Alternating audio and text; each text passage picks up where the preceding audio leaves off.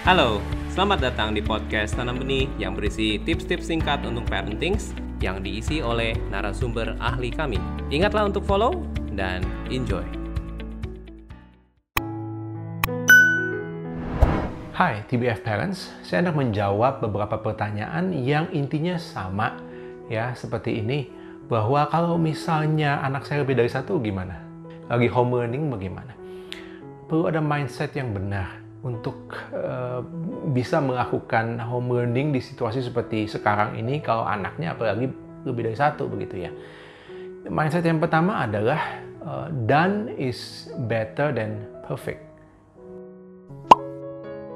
ya selesai itu lebih penting daripada uh, kesempurnaan ya artinya kalau dalam situasi yang mendesak sumber daya yang terbatas maka kita harus milih goal mana yang paling penting yang yang yang mesti kita selesaikan ya, jadi kenapa saya sebut di video di struktur materi kita perlu tahu di silabus itu um, dari sekolah seperti apa karena kita mau cari minimum requirement dari setiap tugas-tugas anak Ya, dan kalau minimum requirement itu berhasil dilakukan, dikerjakan oleh anak, I think that's good gitu ya, itu cukup gitu ya.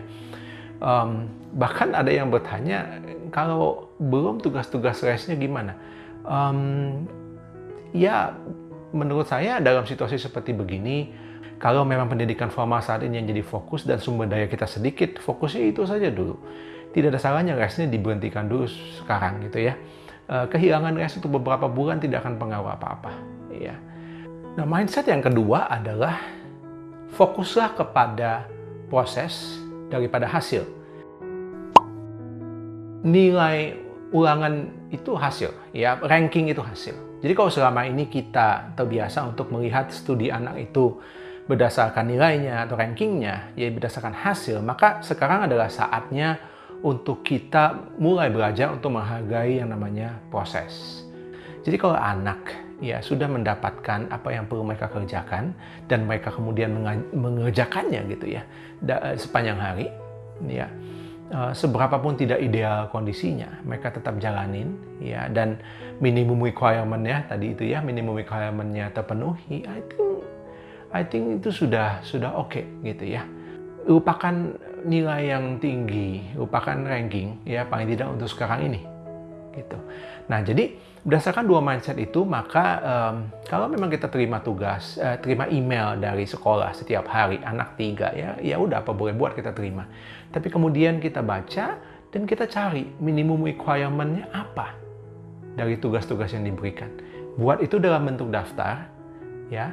Dan saya sangat menyarankan untuk itu di, di print karena lebih mudah buat kita dan lebih mudah buat anak-anak kalau kita mau uh, memberikan tugas kepada mereka. Jadi uh, fisik gitu ya kelihatan nih tugas kamu yang ini, tugas kamu yang ini, tugas kamu yang ini, gitu ya. Lebih gampang dalam bentuk fisik. Ya, jadi kalau mereka sudah uh, di briefing, ya briefing itu perlu setiap pagi, tentukan waktu yang sama setiap pagi. Di waktu briefing itu kita berikan minimum requirement yang mereka perlu kerjakan dan mereka bergerak melakukannya. Ya sudah, ya berikan kesempatan untuk mereka menjalani prosesnya sepanjang hari tanpa kita perlu membebani diri bahwa kita perlu nongkrongin anak kita sepanjang hari setiap waktu satu-satu. Ya kita bisa bantu mereka bagi yang kesulitan tapi pada dasarnya biarkan mereka uh, sebisanya melalui proses belajarnya ya yang perlu diingat bahwa saat seperti ini ada pembelajaran yang saya rasa lebih penting daripada sekedar materi sekolah yaitu eh, pengalaman untuk anak-anak eh, bagaimana belajar beradaptasi supaya bisa terus melakukan apa yang harus mereka lakukan di dalam situasi yang tidak ideal. Itu juga pembelajaran dan itu juga dibutuhkan nanti di masa depan. Ya, ini kesempatan buat mereka mempelajari hal itu.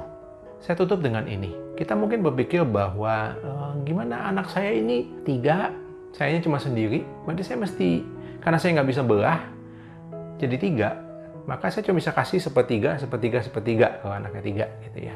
Um, saya cuma mengatakan sebenarnya anak-anak kita juga mengalami itu kalau di sekolah.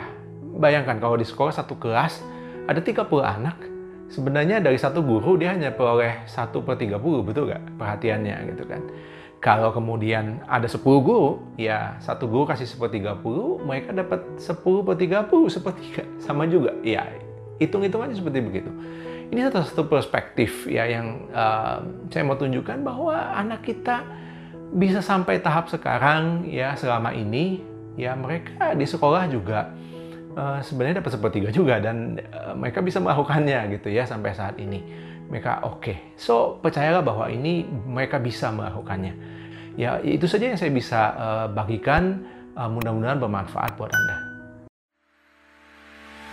anda baru saja memperluas pengetahuan parenting Anda.